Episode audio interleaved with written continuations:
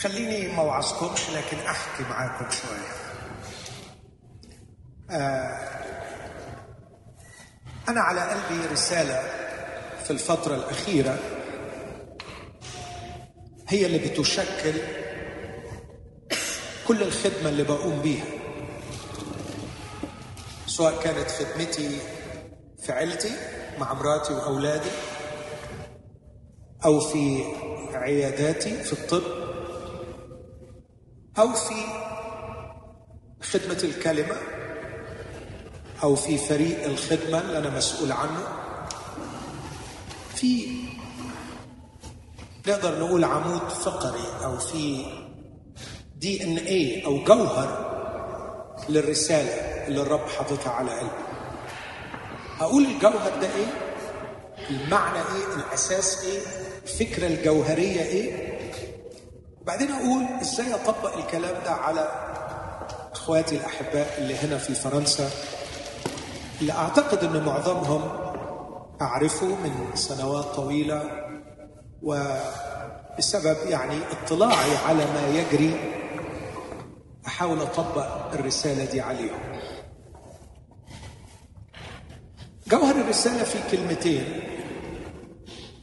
أنا شخصيا مش قابل مش قابل ابدا إن المؤمن تنتهي حياته على الأرض من غير ما يكون ليها معنى. يعني دخل العالم تعلم عاش كافح اتجوز خلف مات. إنه يدخل العالم ويخرج من العالم من غير ما يعيش حياة ليها معنى ده موضوع بصراحة بيفرسني. مش قابله مش طايقه. عارف ممكن تفكر فيها زي واحد مستثمر. واحد أنفق كل ثروته على مصنع والمصنع عمال يجيب خسائر أو صاحب المصنع يقول لك كل حلمي إنه بس يجيب همه. أنا بشوف إن ربنا حبني باسمي دعاني باسمي بذل ابنه لأجلي. خلصني أسكن روحه فيا أعطاني كلمته. أعطاني مراحم كتير. علشان في الآخر أبقى مشروع منتج مشروع مثمر. علشان أنا أبقى راضي عن الحياة اللي أنا عايشها وأقدر أقول الحياة اللي أنا عشتها دي تستحق أن تعاش. أنا راضي. أنا مبسوط بالأيام اللي ربنا ادهاني وأنا طالع من الدنيا أراجع عمري وأقول أشكرك يا رب. السنين اللي عشتها على الأرض عشتها صح. عشتها في الغرض كانت تستاهل إنها تتعاش. بس مش كل المؤمنين للأسف هيعيشوا كده. في واحد في آخر أيامه اتسأل عن حياته قد إيه سنين عمرك؟ فقال على عمره 130 سنة بس قال كلمة بعديها مرعبة قليلة وردية أنا ما عنديش مانع أبدا أقبل إنها تكون قليلة بس اللي مش قابله إنها تكون تفرقش معايا قليلة ولا كتيرة لكن اللي يفرق معايا قوي وما أقدرش اتحمله لنفسي ولأخويا ولأختي انه هو على فراش الموت وهو طالع من الدنيا يبص على عمره اللي فات ويقول حياتي كانت ردية ما احبلكش كده.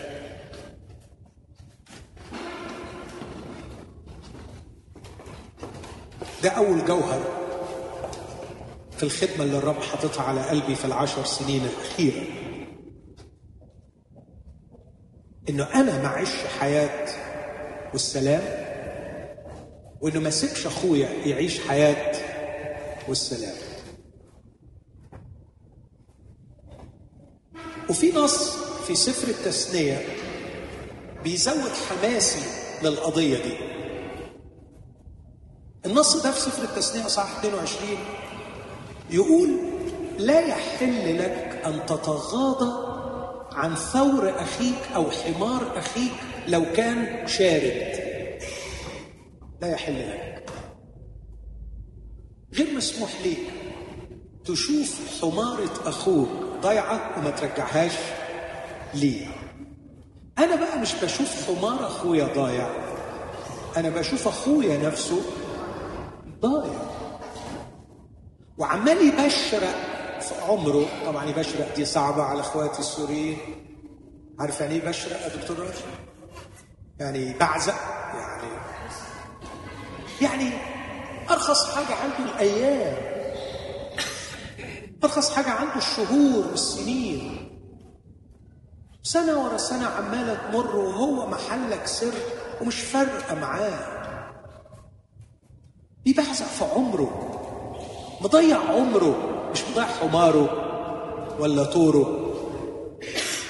وبعدين أنا أقف من بعيد أتفرج على أخويا. ويمكن نعمة ربنا ادهاني تمييز. أقدر أحس إنه بيضيع عمره في الفاضي. ممكن يكون بيخدم بس بيضيع عمره برضه. لأنه ليس بحسب مشيئة الله. فجوهر الرسالة اللي عامل تقل على قلبي هو كيف أعيش حياه ليها معنى وإزاي إخواتي أساعد إخواتي يكونوا راضيين عن العمر اللي هم بيعيشوه؟ ده الأمر الأول. النص الثاني من الرسالة وواكل قلبي ويعني مخليني بشتغل بإيديا وإسناني هو الخروج إلى العالم التعيس من حولنا. والخروج للعالم التعيس من حولنا. مش من مبدأ نعمل اللي علينا. مش ده اللي بيدفعني للعالم. مش يعني أهو برضه يبقى اللهم إني بلغت اللهم فاشهد يعني. أهو الحمد لله برضه ما قصرناش ووصلنا الرسالة ودينا عملنا اجتماعات كرازية وقلنا لهم تعالوا وهم فقريين وما جوش. طب هنعمل إيه بقى؟ عارفين الأسلوب ده أنا ب... يعني سوري بقرف بالاسلوب ده مش بعز منه لكن خلوني أقول لكم إيه الشعور اللي عندي وأنا بشجع الشباب في مصر وإخواتي المؤمنين إن إحنا نخرج للعالم. خلوني أقوله لكم في صورة قصة حقيقية حصلت فعلا. سنة 1000 947 أو 48 خادم الرب العظيم بلجريهم بلجريهم راح زار ألمانيا بعد ما الحرب العالمية حطت أوزارها يعني بسنوات قليلة. وكانت ألمانيا كوم دمار كوم دمار مدمرة طالعة من الحرب مدمرة. فيها جيل كامل بتاع 1922 كان اتمحى كانوا باقيين منه 3000 بني آدم. وكان في الوقت ده المستشار الألماني هو كونراد إدناور. وبالجريهم راح زاره في المكتب بتاعه. فالمستشار الألماني بص لخادم الرب بيلي جريهم. وقال له مستر بيلي جريهم هل تؤمن بقيامة المسيح يسوع؟ فرد عليه بيلي جريهم رد جميل. قال له مستر تشانسلر أنا مبشر وبدون قيامة المسيح لا توجد بشارة. لو لم يكن المسيح قام لا توجد بشهر. فنظر إلى خرائب ألمانيا من الشباك وقال له لولا إني أؤمن أن المسيح قام ما كان عندي أي رجاء في قيام ألمانيا. وهذا الرجل اللي كان متقدم في السن ربنا استخدمه يحط الأساس لإعادة بناء. المانيا وعادت المانيا دولة عظيمة مرة أخرى. القصة دي أنا بذكرها لأنه أعتقد إن عندي نفس الشعور لا مش شعور نفس الاقتناع إنه لا رجاء للعالم حولنا إلا في شخص يسوع المسيح الذي مات وقام العالم ده قول أوروبا قول الشرق الأوسط قول اللي تقوله سمي اللي تسميه.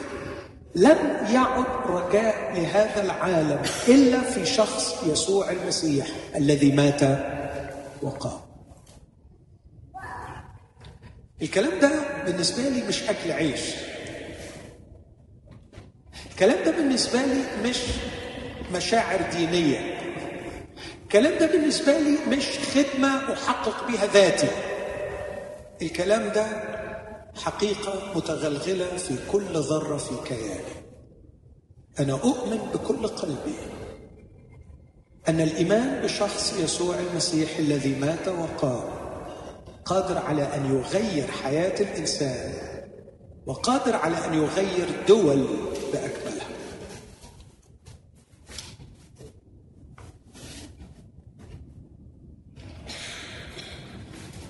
علشان كده وأنا بدفع إخواتي وبدفع الشباب إنهم يخرجوا إلى العالم في الخارج. مش من قبيل شجع الشباب وحمسهم لكن من قبيل أن هذا العالم الذي يحترق يحتاج إلينا بشده الرجاء الوحيد الباقي للعالم هو الإيمان بشخص يسوع الذي مات وقام والهيئة أو الجهة الوحيدة القادرة على الكرازة بيسوع الذي مات وقام هي الكنيسة. والكنيسة في حالة سبات نوم كنيسة مش فاضية. أو مش مش فاضية. شعرة بصغر النفس. شعرة يعني إحنا هتروح فين يا صعلوك بين الملوك؟ هنروح إحنا فين في المصايب اللي بره دي؟ يعني هي البشاره بتاعتنا هتعمل إيه يعني ولا هتغير إيه يعني؟ خليني أقول لك حكاية تاني وبعدين أقول إزاي جوهر الرسالة ده نطبقه على إخواتي هنا في فرنسا. سنة 1700 حاجة وعشرين اتخرج جون ويسلي قسيس كبير من اوكسفورد من جامعة اوكسفورد وبقي قسيس وذهب في إرسالية إلى أمريكا ليخدم. وبعدين وهو في الإرسالية قبل المسيح مخلص. حد واخد باله من اللي أنا بقوله؟ آه. يعني قبل المسيح مخلص وهو قسيس خريج اوكسفورد ورجع. وكان حال إنجلترا مزري للغاية في القرن الثامن عشر الطبقية القاتلة.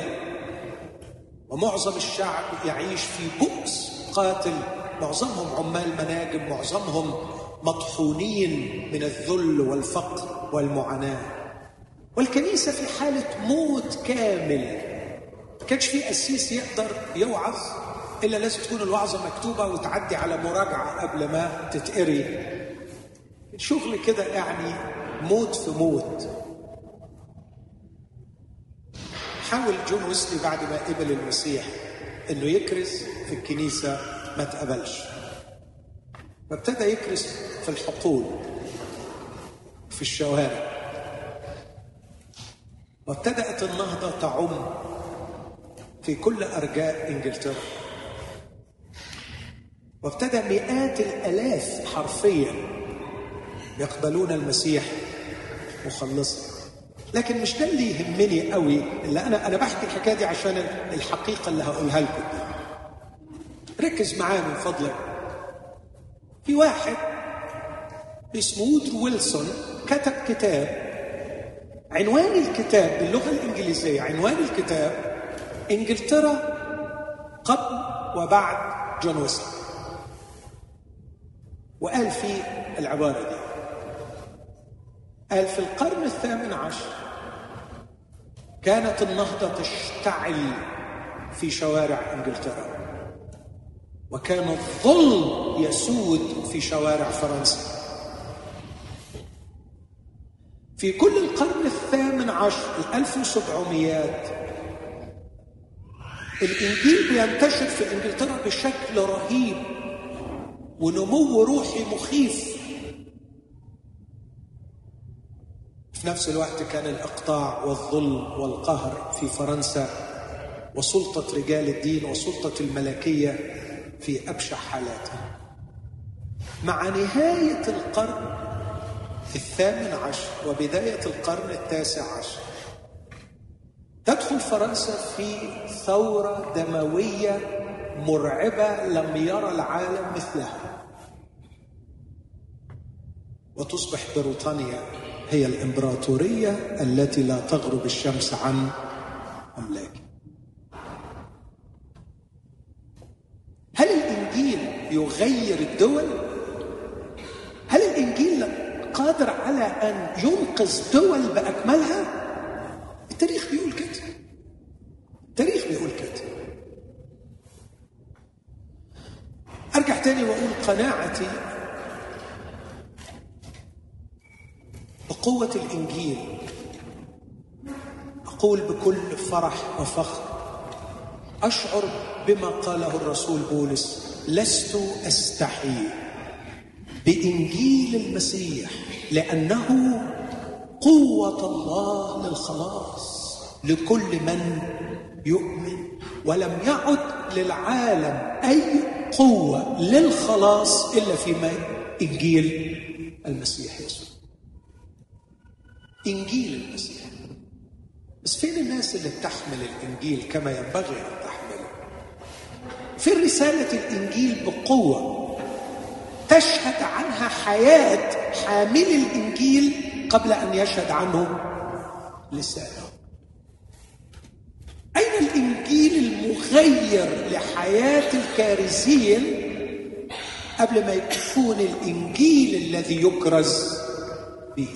أين قوة الإنجيل؟ كلمة قوة بعضكم يمكن سمع التعليق ده.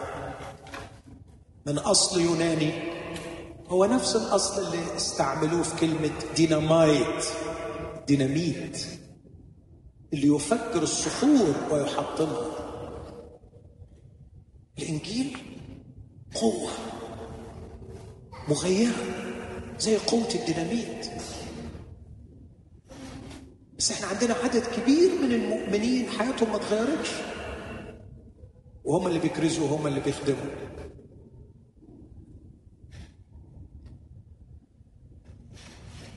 أنا مقتنع بقوة الإنجيل.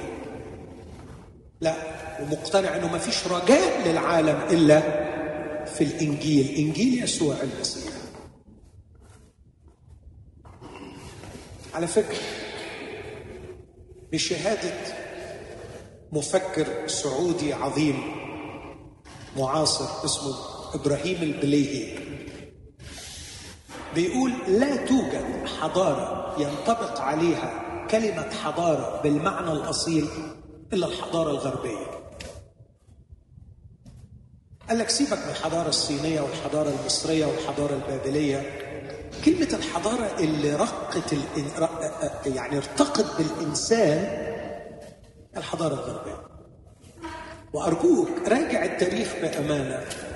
ستكتشف أن الحضارة الغربية استمدت مقوماتها التي جعلتها راقية عظيمة استمدتها من؟ الإنجيل. وراجع تاريخ الإصلاح وانطلاق الثورة العلمية والمعرفة إنجيل مغير.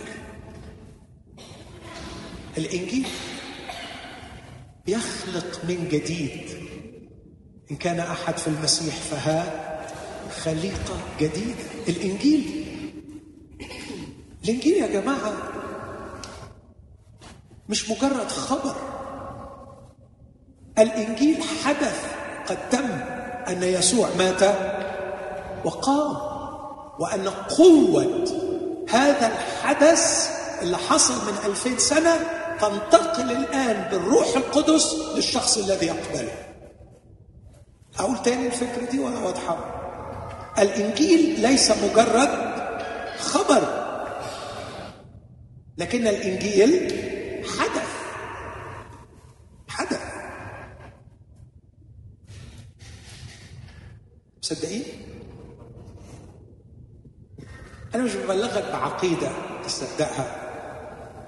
أنا ببلغك بحدث حدث وقابل أن يحدث الآن في حياتك. اسمع كده تعريف الإنجيل. كورنثوس الأولى 15 هذا هو الإنجيل الذي سمعتموه وقبلتموه وبه تخلصون وفيه تقومون أن المسيح مات من أجل خطايانا. حسب الكتب وأنه دفن. وقام في اليوم الثالث حسب الكتب وأنه ظهر. المسيح مات دفن قام ظهر. ده حدث. حدث الموت والقيامة. هو الخبر اللي إحنا بنذيعه بنقول أن يسوع مات وقام. وقيامة المسيح لها القدرة أن تنقل تنتقل إلى حياتك. الروح القدس قادر أن ينقل هذا الحدث إلى حياتك. فتقدر تقول مت مع المسيح وتقدر كمان تقول وأنا قمت مع المسيح. فتتحول إلى إنسان جديد وبالطريقة دي الناس بتتغير والشعوب بتتغير والأدمغة بتتغير والقلوب بتتغير. يعني لما بفكر في بلدي الحبيب مصر وأقعد أتأمل في حالها أقول مصر مش محتاجة تغيير سياسات. مصر مش محتاجة تغيير وزارات. مصر مش محتاجة تغيير أشخاص. تعرف محتاجة إيه؟ محتاجة عقول تتغير.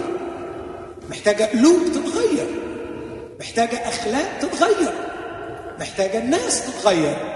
وعلى حد علمي مفيش حاجة تغير إلا إنجيل يسوع المسيح. الرسالة اللي على قلبي هو إنه كل أخ من إخواتي يعيش حياة لها معنى.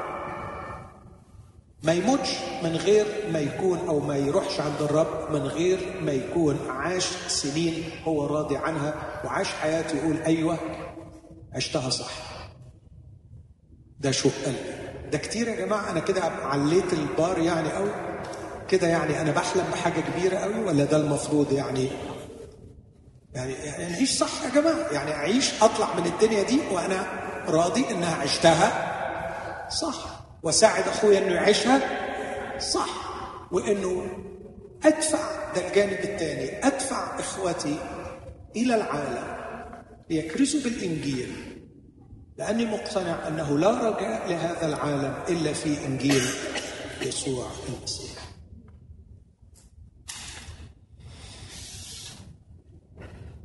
جي كي تشسترتون ده صحفي ومفكر وفيلسوف إنجليزي. من أعظم العقول الإنجليزية اللي ظهرت في التاريخ. اسمعوني من فضلكم الراجل ده قال كلمة نبوة حكيمة قوي قالها تقريبا سنة 1923 قال لما أوروبا هترفض الإيمان بإله الكتاب المقدس لن يظلوا بدون إيمان لكن هيأمنوا بأي زبالة.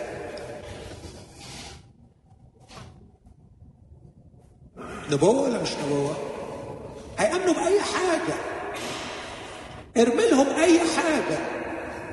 هيامنوا بيها لأنهم رفضوا الإيمان بالإله المعلن في الكتاب المقدس.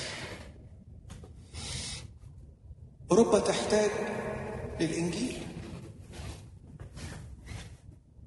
الشرق الأوسط يحتاج للإيمان بالإنجيل.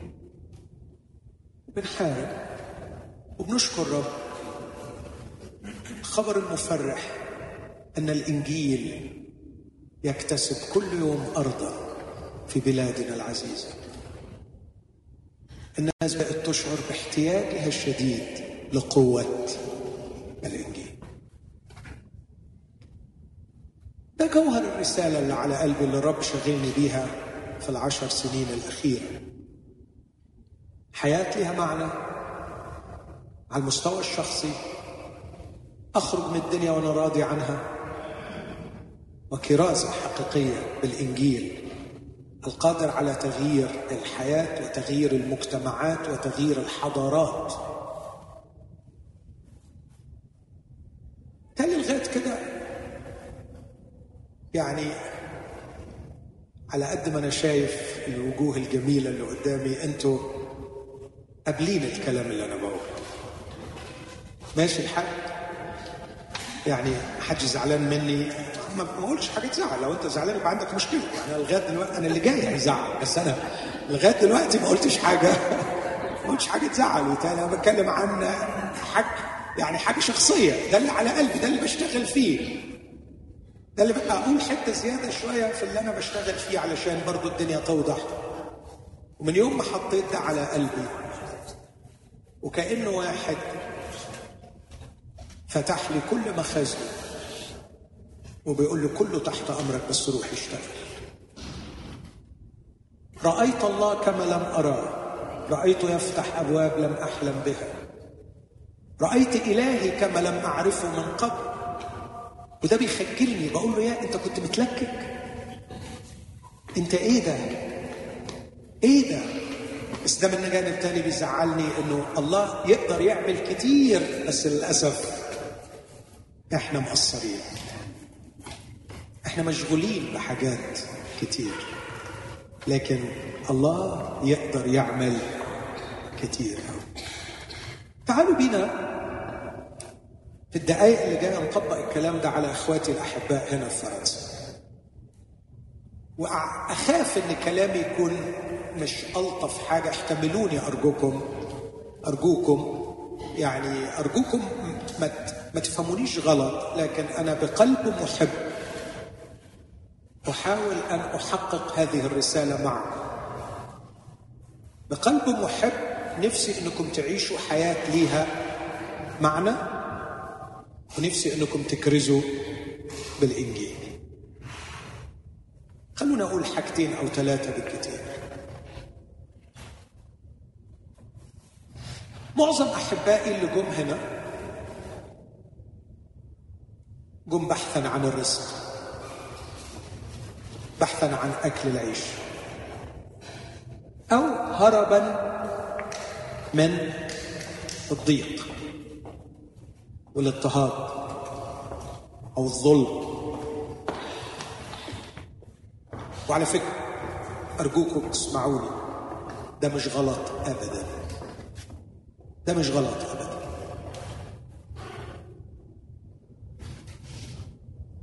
الرب حط لنا مبدأ في الحياة ينبغي أن نشتغل.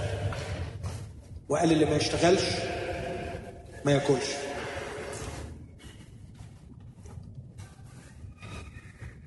والكتاب المقدس سجل في كل تاريخه القديم والجديد في العهد القديم والعهد الجديد. قصص أولاد الله الذين هاجروا بحثا عن الرزق أحيانا وهربا من الضيق أحيانا أخرى أذكر اكيلا وبرسكيلا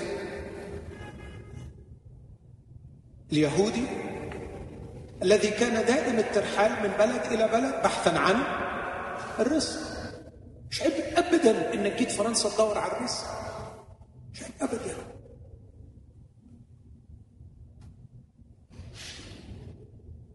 واتذكر في سفر الأعمال الذين تشتتوا من جراء الضيق الحادث في أورشليم قالوا مبشرين بالكلمة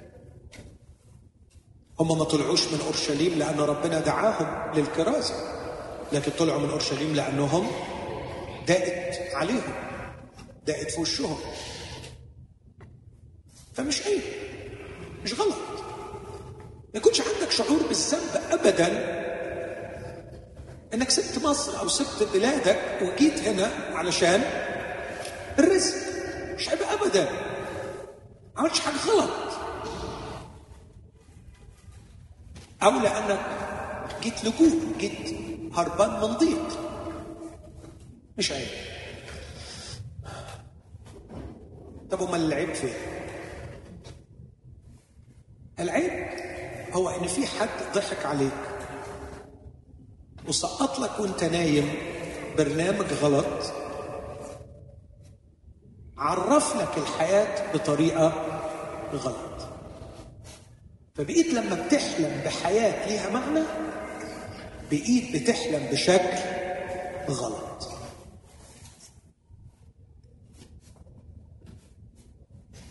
هقول تاني وانت نايم نايم روحيا. حد ضحك عليك وسقط لك وانت نايم برنامج سقطوا لك على يوم على شهر على سنة على سنتين مش عارف خد خدت في إيده قد إيه.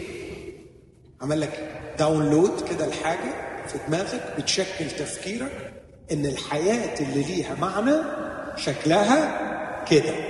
فأنت عايش ما بتعملش حاجة غير إنك بتدور عن الشكل ده اللي الشخص ده ضحك عليك. ونزله فمثل مثل مثل يعني الحياة اللي ليها معنى. يبقى عندك مطعم. مثلا يعني. أهو كده تبقى أنت نجحت في إيه؟ ها؟ في الإرسالية بتاعتك. أمال أنت يعني جاي تعمل إيه؟ أنت جاي فرنسا ليه يعني؟ جاي علشان يكون عندك مطعم. فما دام عملنا المطعم خلص. الحمد لله. الحمد لله. لا ما بنقولش الحمد لله ساعتها لأنه البرنامج لسه شغال فلازم المطعم يبقوا نقوى يعني أنا فلان ده يعني ابن البطة البيضاء وأنا ابن البطة السوداء. يعني هو فلان ده اللي جاي من بيعمل مطعمين وأنا أقعد بمطعم واحد؟ ده برضه ينفع؟ لا لا. وبعد المطعم الأولاني نعمل مطعم التاني وفي السكة بقى لو الموضوع يلزمه كذب اكذب. لو الموضوع يلزمه نصب انصب. لو الموضوع يلزمه أي حاجة لأن هي دي الحياة اللي ليها بداتوا تزعلوا مني ها؟ بدأنا الكلام اللي دمه تقيل. النهارده أنا عندي خبر ليك معرفش. تقبله ولا لا؟ لا. الحياة اللي ليها معنى مش إن يكون عندك مطعم مش إن يبقى عندك فلوس. الحياة اللي ليها معنى أرقى مليون مرة من الكلام الفارغ ده. الحياة اللي ليها معنى أن يباركني الرب. فأكون بركة. وعلامة أن يباركني الرب. لاحظ مش يبارك فلوسي لا يباركني أنا. فأكون أنا بركة. حيثما أذهب بركة. حيثما تعمل بركة. تحمل حضور الله. تتمم مشيئة الله. تظهر حياة الله. تتكلم بكلام الله. تخضع لإدارة الله. انت بركه كده. كل اللي تتعامل معاه تحمل له حضور الله. تعيش عمرك تتمم إرادة الله في المنطقة اللي أنت فيها. أمام أولادك أنت حامل للحضور الإلهي ممثل لله. مع الشغيلة بتوعك أو الزملاء تحمل الحضور الإلهي. القرارات اللي بتاخدها تاخدها تحت إدارة الله. يعني حياة مش صاحبها اللي بيديرها لكن الرب هو الذي يديرها. حياة باركها الرب شخص يدير حياة الرب. فيعيش مشيئة الرب. فيتكلم بكلام الرب. ويظهر حياة الرب ويخضع بطاعة للرب. هي دي الحياة اللي ليها معنى. قال له أباركك وتكون بركة وأبارك أباركيك ولاعنك العنة وتتبارك فيك وفي نسلك جميع قبائل لو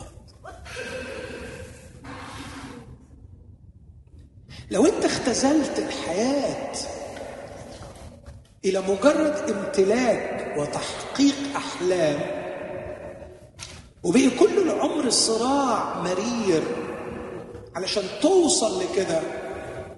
عمال تدهس على عمرك وبتدهس على اللي حواليك وبتدهس على بيتك أحيانا وانت متغمي العينين وجاري ناحية الحلم بتاعك. ومش دريان انت ضيعت قد إيه ومش دريان أنت رايح لفين. يمكن تكون رايح لنهايتك الوحشة وأنت مش دريان. قصة قريتها زمان وأنا طفل صغير. عن رجل قرر الانتحار. فربى ربط عينين الحصان بتاعه غمى عينين الحصان. وطلع على جبل عالي يجري يجري بالحصان. على أساس إن الحصان ينط بيه من على الجبل فينزل ويتكسر. فكان الحصان يجري بكل قوة لغاية ما يجي على الحافة رغم إن عينيه متغمية ويرجع لورا. الراجل عايز ينتحر والحصان مش عايز ينتحر. في ناس بتجري بكل قوة ناحية الدمار وهي مش دريان هي اللي متغمية. هي اللي متغمية. نفسي أوقفك النهارده أقول لك يعني خف السرعة شوية. وقف الجري شوية. واسأل نفسك سؤال واحد هو أنا عايش ليه؟ آخرتها إيه؟ وكن أمين مع نفسك وقول أنا بصراحة بصراحة بكل أمانة عايش عشان كذا وكذا وكذا. خليك أمين مع نفسك. وبعد ما تكتبهم اسأل نفسك سؤال طب الحاجات دي تستاهل إن الواحد يعيش علشانها يعني لو كتبت مثلا عشان العيال هتقاوح كمان في دي؟ عايشين عشان العيال. تعرف إن دي من من أكتر الخدع اللي بتدمر الحياة؟ عايشين علشان العيال. في فرق كبير بين المسؤوليات المسؤولية والإرسالية.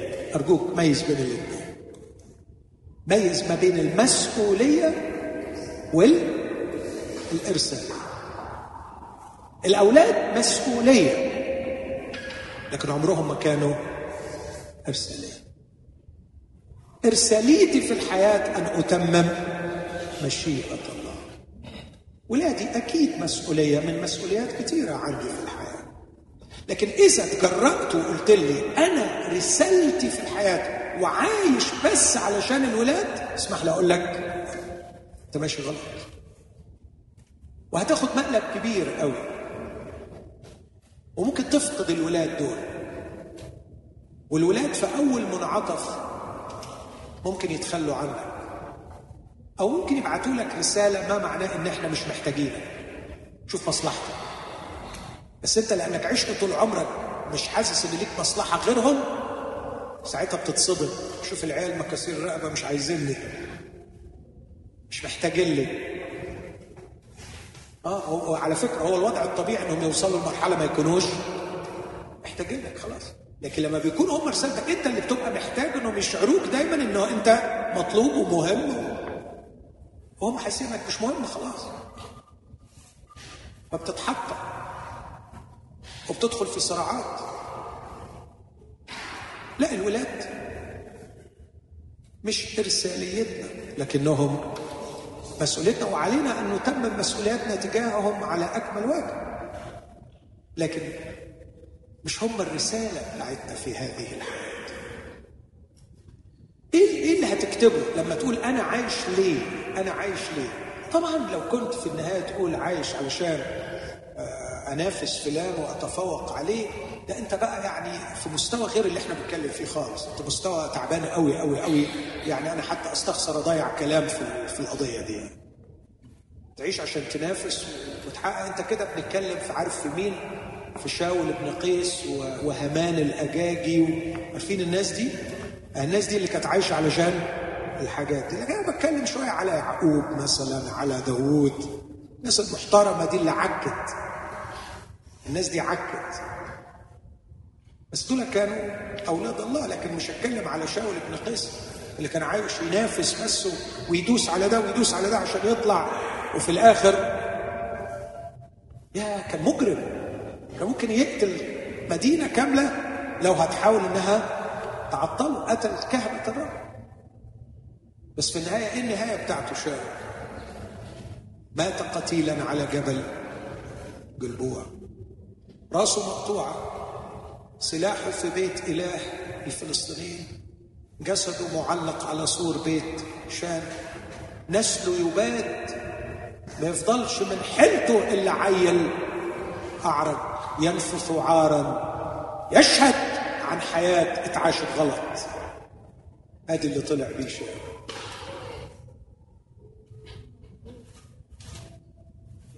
أحكي عن لوط نافس. آه نافس. حقق حقق. نجح نجح. لو تراجع قصته يقول نقل خيامه إلى سدوم هاجر هاجر. هاجر لأوروبا الوقت بتاعكم آه. غني غني. لما جم الملاكين ما لقوش في خيمة لقيوه في بيت. لا مش بس كان في بيت. كان أهل البلد بيقولوا جاء ليتغرب وهو الآن. يحكم حكما. يعني وصل إنه بقى إيه؟ عضو مجلس نواب. ما حدش عضو مجلس نواب ما أعتقدش يعني. تحاولوا؟ لا لوط وصل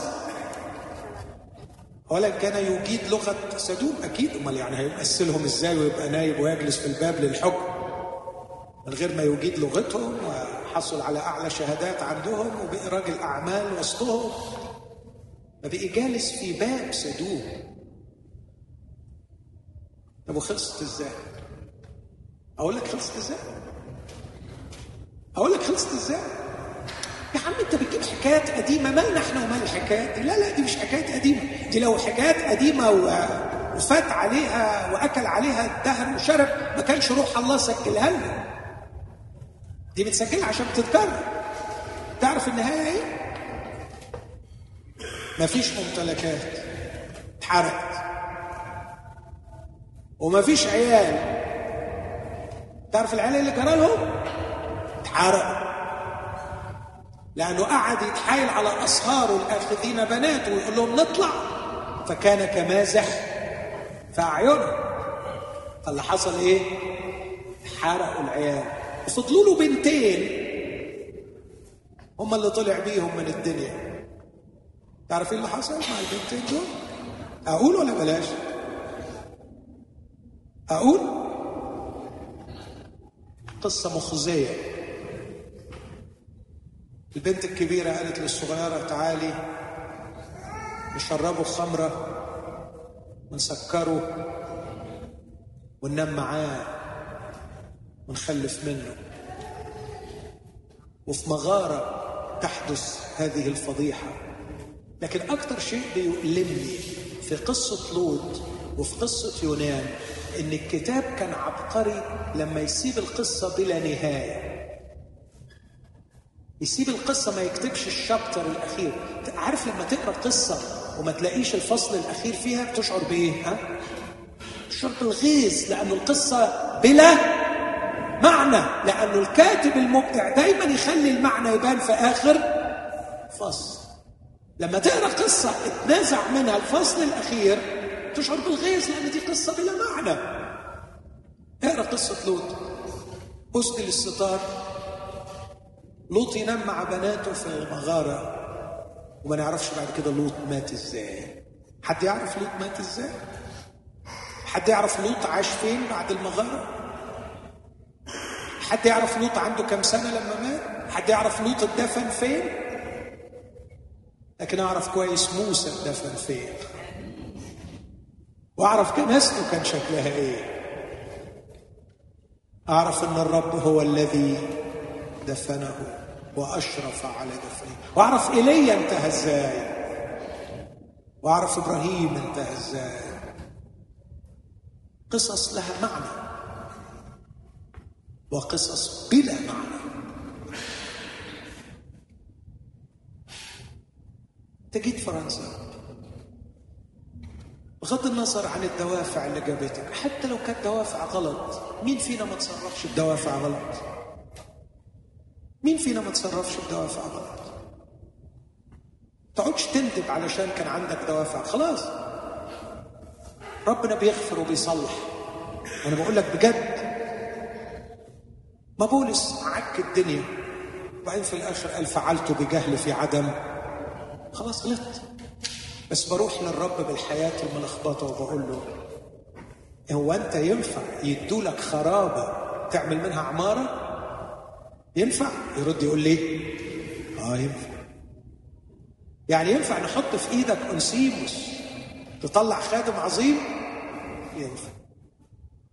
ينفع نحط في إيدك شخص عمل كل حاجة غلط؟ تعرف تطلع منه كل حاجة صح؟ آه. يا رب. بس المهم تحط نفسك في ايده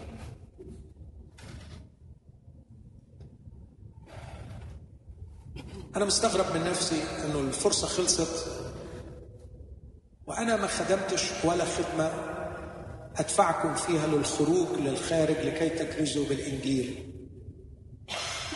لاني شاعر أحبائي إن في حساب شخصي بين كل واحد بينكم وبين الرب محتاج يتصفى اولا. كيف سنكرز للخارج؟ وإحنا لسه ما اهتمناش إن حياتنا الشخصية تكون حياة ليها. أرجوكم أنكم تضعوا هذا في قلوبكم. لا تعيشوا من أجل أهداف صغيرة حقيرة.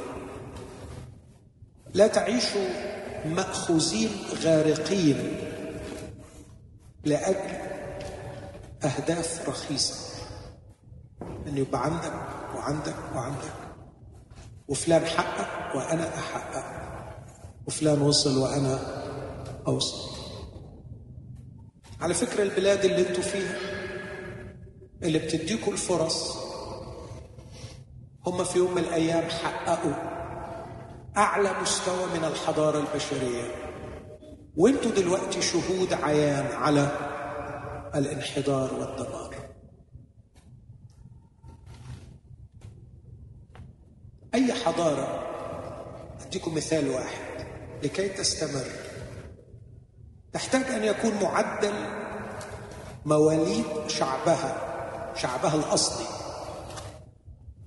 2.3 من عشرة. معظم البلاد الأوروبية النهاردة لا تتعدى 1.3 وبالتالي خلال بضعة عقود هذه الحضارات سوف تندثر. وسيحل محلها اللي بيعرف يخلف. وجولها اللي بيعرفوا يخلفوا. وكل اللي يعملوه مش محتاجين أكتر من ان هم يخلفوا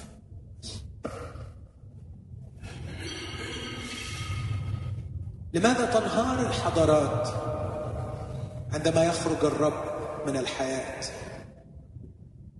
ولماذا تنهار الحياة الفردية عندما يقبل الشخص أن يعيش حياة ليس لها؟ معنى عظيم. هل من الممكن الرب يستخدمكم بركة لهذه البلاد نعم. أنا ممكن أقعد أحلم وأقول كلام كبير بس مش وهمي كلام حقيقي. أما أقعد أفكر مثلا وأقول وما هو الخطر المحدق بهذه البلاد من هم أكثر جماعة قادرة على مواجهة هذا الخطر؟ ومين أكثر ناس دلوقتي يقدروا يكرزوا بالإنجيل في هذه؟ ممكن أفكر بطرق كتير قوي. وفي النهاية ألاقي إنه الضرورة موضوعة عليكم. ممكن. بس أنا ما عملتش كده لأنه حاسس إنه في مسائل شخصية الأول ومفاهيم شخصية محتاجة إنها تتصلح. ويمكن تأخرنا قوي على تصليحها. والوقت بقي حرج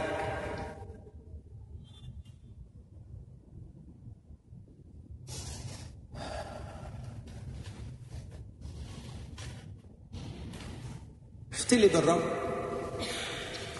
اقعد معاه في الأيام اللي جاية. قول له يا رب أنت سمحت بوجودي في هذه البلاد.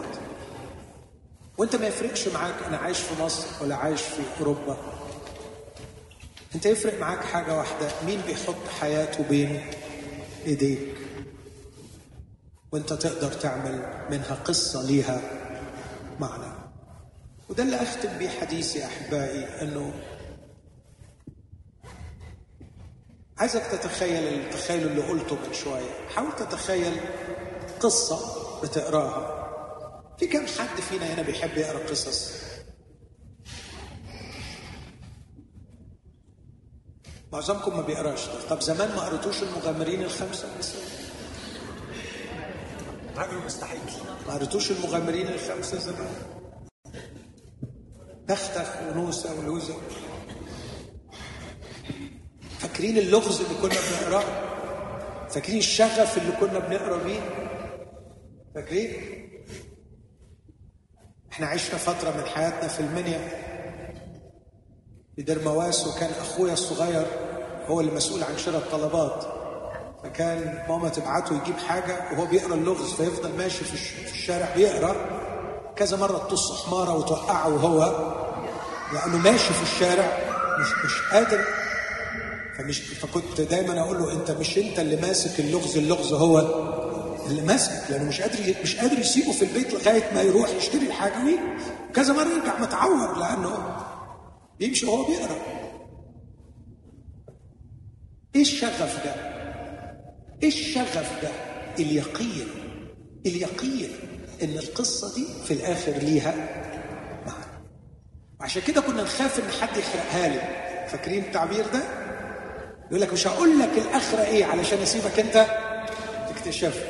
الشغف كله إن القصة تنتهي ويكون ليها معنى تخيل بقى لو أنت عمال تقرأ قصة 600 صفحة ومش قادر ابدا تربط ما بين فصل وفصل وفي الفصل نفسه ما فيش علاقة بين الصفحة والصفحة ووصلت لغاية ما خلصت القصة وأنت مش لاقي أي معنى. تعمل إيه في الكتاب ده؟ بجد تعمل إيه؟ هتولع فيه فعلا. هتحرقه. وهتحس إن الراجل اللي كتب ده ضحك عليك وخد فلوسك. ومدك تعرف إن حياتك بتبقى ماشية كده أحيانا؟ أنا لو حصل ولقيت كتاب 600 صفحة المفروض إنه قصة وبعدين قريتها وما لقيتش أي معنى هقول ده ما لقيش مؤلف ده واحد هجاص مسك قلم وقعد يعمل إيه؟ ها؟ أه؟ أهو بيكتب وخلاص كلام فما فيش مؤلف. ما فيش مؤلف. أو حاول تتخيل تخيل تاني. رحت تحضر مسرحيه في مسرح وبعدين بيطلعوا الممثلين على المسرح بيعملوا فصل. ملوش أي علاقة بالفصل اللي قبله ولا اللي بعده والفصل نفسه الأحداث ملهاش علاقة ببعض. فأنت بتصرخ وبتتغاظ بتقول أنا بضيع وقتي مفيش مخرج. عشان الحاجة يكون لها معنى. محتاجين مؤلف. محتاجين مخرج. أنا عايز أقول لك حياتك قصة حقيقية بس مش بتتكتب على ورق بحب لكن بتتكتب في أرض الواقع. وعشان تطلع في الآخر قصة حياة فلان الفلاني اللي اتولد سنة كذا ومات سنة كذا قصة لها معنى أنت محتاج مؤلف. محتاج مخرج. بس محتاج مؤلف يبقى كلي العلم كلي القدرة كلي الحكمة يعرف يمشي أحداث حياتك عشان يخليها في الآخر قصة ليها. إذا اتحسمت المسألة الشخصية بيننا وبين الرب وكان عندنا إصرار إن أنا مش هعيش خبط فوضوي هعيش حياة ليها معنى وأحطها بين إيدين الرب وأقول يا رب أنا عايزها ليها معنى. وعايزها ما تخلصش إلا وأنا راضي عنها. زي الراجل العظيم اللي قال أكملت الساعة أنا عايزها كده يا رب. أنا عايزها كده يا رب. إذا قلت للرب كده الرب هيقودك. ويتولى هو الإدارة والإخراج. أنا خلصت كلامي من غير ما أقرأ جزء في كلمة الله. وده مش عادتي لكن أنا قلت في البداية أنا مش هوعظ أنا بس هحكي معاكم كده يعني حديث من القلب. لكن لو حابب نص كتابي أستأذنكم إن إحنا نقف مع بعض ونقرأ.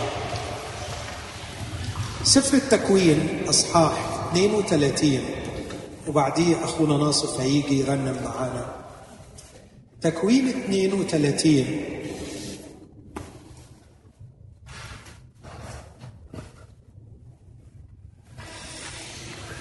في عدد 22 ثم قام يعقوب في تلك الليلة أخذ امرأتيه وجاريتيه وأولاده الأحد عشر وعبر مخاضة يبوق أخذهم وأجازهم الوادي وأجاز ما كان له فبقي يعقوب وحده. وصارعه إنسان حتى طلوع الفجر. ولما رأى أنه لا يقدر عليه ضرب حق فخذه. فانخلع حق فخذ يعقوب في مصارعته معه. وقال الرب هنا هو الذي يتكلم. الرب يقول ليعقوب اطلقني. اطلقني لأنه قد طلع الفجر. فقال لا أطلقك. لا أطلقك إن لم تباركني. فقال له ما اسمك؟ فقال يعقوب فقال لا يدعى اسمك فيما بعد يعقوب بل إسرائيل. لأنك جاهدت مع الله والناس وقدرت. وسأل يعقوب وقال أخبرني باسمك. يعقوب بيسأل الرب. فقال لماذا تسأل عن اسمي؟ وباركه هناك.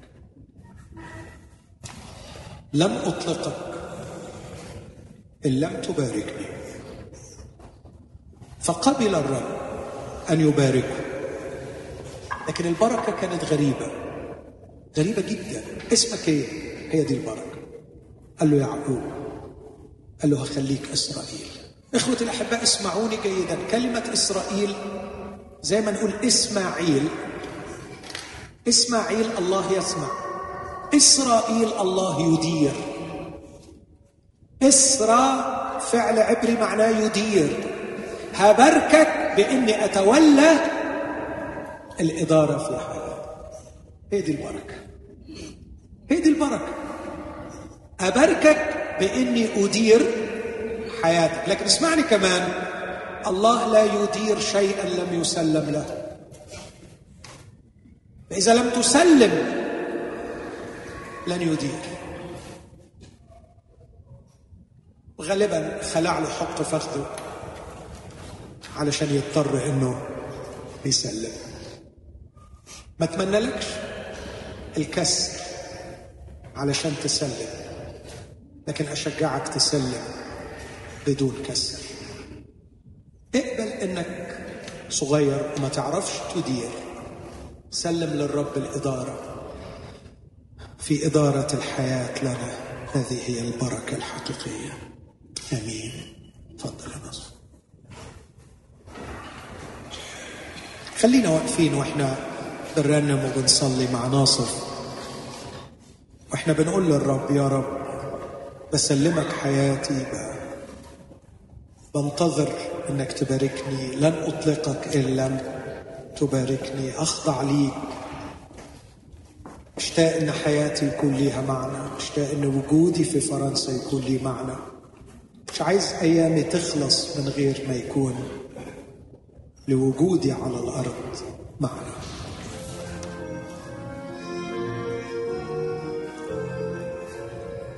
تعال معايا تعال إلي. سلم لي. حط حياتك من إيدي. هيغفر لي.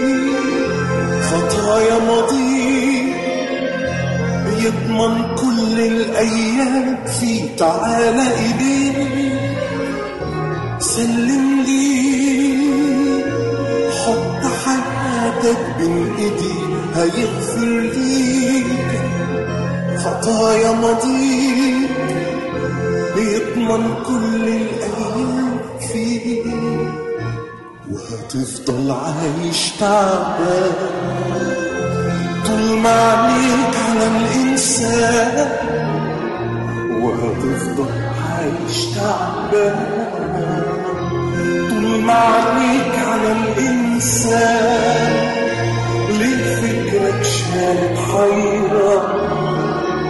ده يسوع يملى الفكر طمان ده يسوع يملى الفكر طمان تعال إليه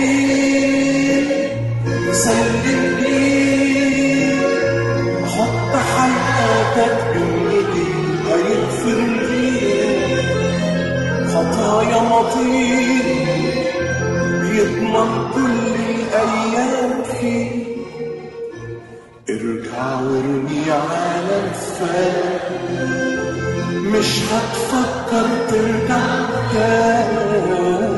ارجع وارمي على الفات مش هتفكر ترجع تاني.